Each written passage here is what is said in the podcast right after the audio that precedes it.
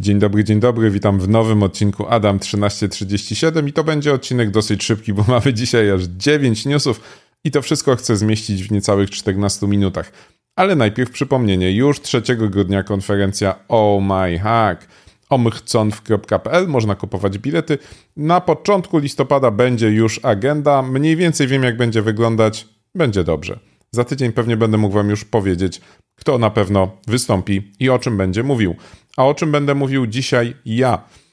Zaczniemy od niesamowitego śledztwa Bellingcata. Bellingcat, grupa zajmująca się analizą otwartych źródeł, z których czerpie informacje na temat przykład działalności rosyjskich służb specjalnych albo rosyjskiego wojska i właśnie opublikowała niezwykłe, niewiarygodne wręcz śledztwo na temat osób odpowiedzialnych za programowanie rakiet, które lecą na Ukrainę. Rakiety wystrzeliwane przez okręty Kalibr, e, wystrzeliwane z ziemi e, Iskander czy lotniczy KH-101. Ktoś programuje te rakiety, ktoś ustala ich trasę, ktoś wie dokąd one polecą i w co trafią. Więc Bellingcat zidentyfikował trzy osoby odpowiedzialne, e, trzy zespoły odpowiedzialne za te trzy kategorie rakiet. Znaleźli również ich przełożonych, dokładnie wiedzą kto gdzie siedzi, czym się zajmuje, jakie ma hobby, jakie zdjęcia robi w internecie. To wręcz niewiarygodne, jak im się to udało ustalić. Zaczęło się od absolwentów odpowiedniej szkoły wojskowej. Są szkoły wojskowe, które bardziej zajmują się wojskami rakietowymi. Następnie porównanie ich billingów i wpisów w książkach adresowych, bo te też wyciekają w Rosji do internetu. W ogóle dostęp do billingów na żywo w zasadzie prawie, że bieżących, na, bieżących zapisów połączeń telefonicznych dowolnego obywatela Rosji niewiarygodne i to nawet tych żołnierzy. Więc analiza billingów e, i ich powiązanie wskazujące na mało znaną jednostkę zajmującą się właśnie sterowaniem rakietami. Dostęp następnie do baz lotów, do baz paszportowych, do wszystkich portali e, rosyjskich społecznych społecznościowych i na tej podstawie informacja o tym, kto, gdzie, kiedy, jak i z kim. Billingcat kontaktował się również z samymi bohaterami tej historii. Jedna z osób zgodziła się odpowiedzieć na pytania anonimowo, przysłała nawet zdjęcia, te zdjęcia zgeolokalizowane. No, niewiarygodna historia. Myślę, że Trybunał w Hadze grzeje już salę na przyjęcie całej około trzydziestki. Niesamowite śledztwo pokazujące, jak wiele rzeczy wycieka w Rosji i jak wiele rzeczy dobrzy ludzie są w stanie z tymi wyciekami zrobić. Historia numer dwa. Coś, co akurat nie wyszło dla odmiany. I byli to Chińczycy, którzy próbowali, tak jak Rosjanie, wywierać wpływ na wybory w Stanach Zjednoczonych. Mandiant opisuje ciekawą chińską grupę, która między innymi celuje w wybory, które lada moment w USA. To są takie wybory w środku kadencji prezydenckiej, gdzie się wybiera gubernatorów, y, jedną trzecią senatu, prawie całą izbę chyba reprezentantów. W każdym razie to mm, grupa, która próbuje wpływać na to, jak będą głosować Amerykanie. Przede wszystkim wysyła przekaz, żeby nie iść na wybory, kłóci USA ze swoimi sojusznikami, zarzuca, że to USA wysadziło Nord Stream, podsyca elementy jakiejś niesprawiedliwości społecznej, konflikty rasowe. Ale wychodzi im to dosyć słabo. Wychodzi im to dosyć słabo, bo niski engagement jest na tych postach.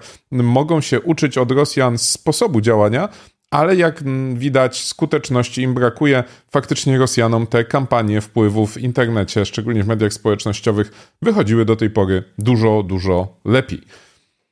Temat trzeci. Signal wprowadza pseudonimy. Nie wiemy jeszcze kiedy, ale będą, będą. To jest ogromny problem komunikatorów. Jak odkryć kontakty, nie ujawniając numeru telefonu, no jak inaczej niż przez importowanie książki telefonicznej. Strasznie trudne. Pomyślcie zresztą też, jak to wpływa na rozwój komunikatora. Ile macie kontaktów na Signalu, ile macie kontaktów na WhatsAppie, a ile macie w komunikatorze, który nie zbiera numerów telefonów, nie chce waszej książki telefonicznej, czyli typu Freema albo Session.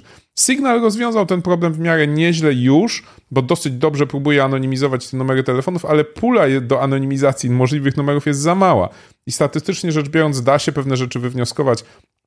Signal opisał, w jaki sposób planuje ten problem rozwiązać. Zaszyfrowany RAM, klucze w SGX-ie Intela, ale same wzorce dostępu do tego RAMu mogą pomóc już znaleźć informacje o tym, kogo właśnie szukają. Signal na razie nie widzi, kto jest szukany przez kogo, ale chcę to poprawić, żeby nie widzieć jeszcze bardziej. Będzie specjalny algorytm z odpowiednią warstwą zaciemnienia tego, czego akurat w ramie y, procesor chce y, poszukać. Także będą kiedyś pseudonimy, no jeszcze nie w tej chwili, ale kiedyś będą. Punkt czwarty, podsłuchiwanie za pomocą Siri. To też dosyć ciekawy temat, bardzo oryginalne badanie, ponieważ jakiś człowiek, który zajmuje się inżynierią wsteczną, zajął się e, badaniem tego, jak działają AirPodsy, bo go to bardzo interesowało, bo widział, że AirPodsy nie mają tego problemu, że jeżeli się przez nie komunikujemy, to przerywa e, nam głos, który jednocześnie słyszymy. Więc zbadał, jak to działa. Okazało się, że AirPodsy i Siri na tych AirPodsach mają zaimplementowane osobne protokoły komunikacyjne, które o, o, da się podsłuchać. I da się to podsłuchać omijając mechanizmy bezpieczeństwa iOS-a czy macOSa, które wymuszają prośbę o zgodę na aktywowanie mikrofonu. W tym wypadku da się podsłuchać strumień danych i tej prośby nie było. Przynajmniej dało się, bo w ostatniej aktualizacji ten błąd został załatany. Ciekawy przykład takiego ominięcia mechanizmów bezpieczeństwa poprzez zaatakowanie systemu w zupełnie innym miejscu na skutek procesów inżynierii wstecznej. News piąty. Na początku wojny y, Rosji z Ukrainą zginął deweloper Raccoon Stealera, popularnego oprogramowania służącego do kradzieży danych z komputerów ofiar. I twórcy Raccoon Stealera, czy też współtwórcy, współpracownicy tego głównego dewelopera ogłosili na forum dla cyberprzestępców, że no nasz kolega umarł, zginął na wojnie na Ukrainie, no bo zniknął im z horyzontu, więc uznali, że nie żyje. A okazało się, że żyje, tylko siedzi. Tam ci znaleźli nowego programistę, nowa wersja Raccoon Stealera wyszła. E, on jest w ogóle sprzedawany jako usługa bardziej niż produkt, więc cała infrastruktura za tym stojąca też została przebudowana, ten główny deweloper nią zarządzał, a on został aresztowany w kraju, do którego uciekł przed wojną, czyli w Holandii i w tej chwili czeka na ekstradycję do USA. Marek Sokołowski, 26 lat, był odpowiedzialny również za infrastrukturę, więc przy okazji Amerykanie ze współpracy ze swoimi sojusznikami zdjęli tę infrastrukturę, znaleźli tam 50 milionów credentiali, tak log, parę login, hasło czy innych danych uwierzytelniających. 4 miliony unikalnych adresów e-mail pokazuje skalę tej operacji, skalę tego zjawiska. No, kolega będzie poddany ekstradycji do USA prawdopodobnie skutecznie i tam będzie musiał odsiedzieć, e, no myślę, że biorąc pod uwagę skalę tego, co ukradł i na pewno wśród tych ofiar są Amerykanie, to sobie troszeczkę posiedzi. Punkt numer szósty. Legendarny łobuz internetowy zatrzymany. Jeżeli nie słyszeliście jeszcze o Danielu Kay, to może powinniście o nim usłyszeć. W tej chwili siedzi w, Wielkiej Brytanii złapany na Cyprze i czeka, bo jest obywatelem Wielkiej Brytanii. Czeka go ekstradycja do USA, gdzie posiedzi dłużej. A dlaczego? Bo udowodniono mu, a przynajmniej są w procesie udowadniania mu, że prowadził sklep w Dark Webie The Real Deal. Taki był faktycznie taki serwis, gdzie można było kupić i loginy, i hasła, i karty kredytowe, i botnety, i exploity, i podróbki, i cokolwiek jeszcze. A pan powinien być wam znany jednak, bo już odsiedział swoje 3 lata. Wcześniej miał botnet Mirai, taki zbudowany trochę w innym wariancie, oparty o Zero Day. Przejmował kamery Dahua, próbował przejmować routery Deutsche Telekom, wyłączył internet milionowi klientów Deutsche Telekom, a potem zawiesił internet w Liberii, bo jedna firma telekomunikacyjna w Liberii poprosiła go o to, żeby didosował drugą firmę telekomunikacyjną w Liberii, a Liberia ma wolny internet, więc zdidosował cały internet w całej Liberii. Więc no, znany przykład bandyty internetowego, który na szczęście czeka w tej chwili w areszcie na ekstradycję. I kolejny temat, wyciek spyware. Wyciek spyware. Spyware to spory problem, szczególnie ten taki amatorski, no bo Pegasus to dosyć droga zabawka, nie każdy może go użyć. Natomiast na Androida, szczególnie na Androida, niektórzy twierdzą, że na iPhony też, ale ja nie widziałem. Może się da, ale jest bardzo trudno na pewno.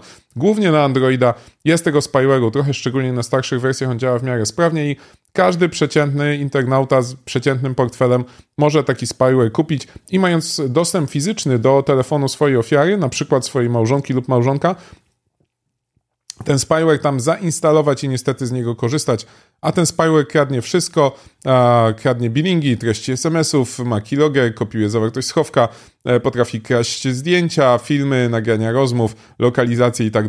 I na szczęście są ludzie dobrej woli, którzy starają się pokazać, jak bardzo jest to niebezpieczne zjawisko i ktoś zhakował bazę takiego dostawcy tych usług, zresztą sprzedającego te aplikacje pod dziesięcioma różnymi nazwami i przekazał ją dziennikarzom i dziennikarze przeprowadzili analizę tych danych. Tam były dane prawie 400 tysięcy ofiar tego spyware'u. No niestety, to amatorski spyware jest nad wyraz popularny. Ja mam taki artykuł na zaufany, jak podsłuchiwać WhatsAppa z 2012 roku, kiedy WhatsApp nie był jeszcze szyfrowany i dało się go podsłuchiwać. No i ten artykuł jest niezwykle popularny do dnia dzisiejszego i co chwilę ktoś pisze maile, bo ja muszę tutaj podsłuchać swojego męża, swoją żonę, bo ich podejrzewam. Naprawdę, od tego są poradnie małżeńskie, od tego są psychoterapie, są, jest wiele miejsc w internecie, do których można się udać. Wszystko można robić też i zdalnie. Niekoniecznie trzeba od razu podsłuchiwać swojego partnera albo swoją partnerkę. Plus jest to całkowicie nielegalnie. Nie, nie, nie róbcie takich rzeczy. Naprawdę są inne rozwiązania tego typu problemów. Temat numer 8. Fałszywe e, exploity na GitHubie. Naukowcy zobaczyli, jak wygląda zawartość 47 tysięcy repozytoriów z kodem tzw. Tak proof of concept, czyli dowodem na to, że dany exploit działa, czyli tak naprawdę implementacją exploita i umożliwiającą jego użycie w ataku. No i sprawdzili te 47 tysięcy repozytoriów dla bugów z 2017-2021 i okazało się, że mniej więcej co dziesiąty e, wygląda na to, że jest w jakimś stopniu złośliwy. Czyli najpierw przyjęli takie kryterium, że sprawdzali z jakimi adresami IP te exploity się łączą, a potem sprawdzali te adresy IP versus konkretne block listy, jakieś abuse listy, virus total i tak dalej. I okazało się, że Pełno jest tam różnych koni trojańskich, pełnych Cobalt Strike'ów, Infostealerów i innych rozrywek. Oczywiście był też Rickroll, no ale to trudno, żeby go nie było. Także y, zanim pobierzecie jakiegoś exploita z y, GitHuba i go odpalicie na środowisku produkcyjnym, to pomyślcie, co robicie, czy na pewno chcecie odpalić niezaufany kod w zaufanym środowisku, bo to może się źle skończyć. Oczywiście nie każdy pisze exploity sam, jest to dosyć trudna zabawa, i często w pracy, w, chociażby do weryfikacji tego, czy faktycznie dana usługa jest podatna, tacy, taki ekspert bezpieczeństwa potrzebuje mieć kod exploita, nie mówiąc już w ogóle o osobach, które zajmują się testami penetracyjnymi, ale jeżeli nie wiecie, co ten kod robi i nie potraficie go przeczytać, to dajcie go do przeczytania komuś, kto potrafi. To będzie dużo bezpieczniejsze rozwiązanie. A prawdopodobnie już we wtorek, bo to news 9, pojawi się takich kodów dużo, dużo więcej i będą bardzo gorące, bo okazuje się, że we wtorek 1 listopada, gdzieś między 15 a 19 polskiego czasu, opublikowany zostanie krytyczny błąd w OpenSSL-u. Ekipa zajmująca się utrzymaniem OpenSSL-a ostrzega przed takimi co ważniejszymi wydarzeniami. Dlaczego akurat 1 listopada? Nie wiem, czy w innych krajach ludzie wtedy nie mają wolnego. Wybrali taki dzień, gdzie no, spodziewam się, że w niektórych organizacjach już urlopy są anulowane i dyżurny będzie siedział i odświeżał Twittera i patrzył, co tam wyskoczyło i co ten exploit będzie robił. Jest jakaś podatność krytyczna w OpenSSL-u, co to oznacza? Że krytyczność jej oznacza, że jest łatwa w wykorzystaniu i w większości domyślnych wersji powinna być dostępna. No i to oznacza albo wyciek pamięci, albo wykonanie kodu. Raczej nic dobrego. Więc myślę, że wtorek będzie, będzie dniem patchowania Open SSL-a. Pamiętajcie, jeden z poprzednich tego typu błędów to był Heartbleed, więc bolało, bolało e, wiele organizacji na całym świecie. Także bądźcie gotowi na wtorek. Ja pewnie też oczywiście w kolejnym wydaniu za tydzień opowiem o tym, co to było, czy to był faktycznie poważny problem, czy może e, jakiś humbug. No dobrze, to przelecieliśmy te 9 newsów, nie było łatwo, ale daliśmy radę. Także pamiętajcie, żeby to zlajkować, subskrybować i, i te dzwoneczki tam klikać na, face, na, na YouTubie, jeżeli oglądacie mnie na YouTubie.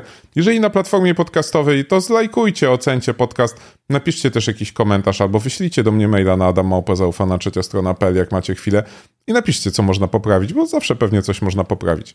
Dzisiaj nie będzie rozmowy kontrolowanej i za tydzień też nie będzie. Wracamy 13 listopada. No tak się złożyło, że nie możemy teraz e, dwóch kolejnych edycji poprowadzić, ale wrócimy, ale wrócimy i wtedy już będzie na pewno dużo o Oh My Hacku. No a za tydzień oczywiście zapraszam Was do kolejnego wydania Adam 1337. Spokojnego tygodnia. Do zobaczenia. Cześć.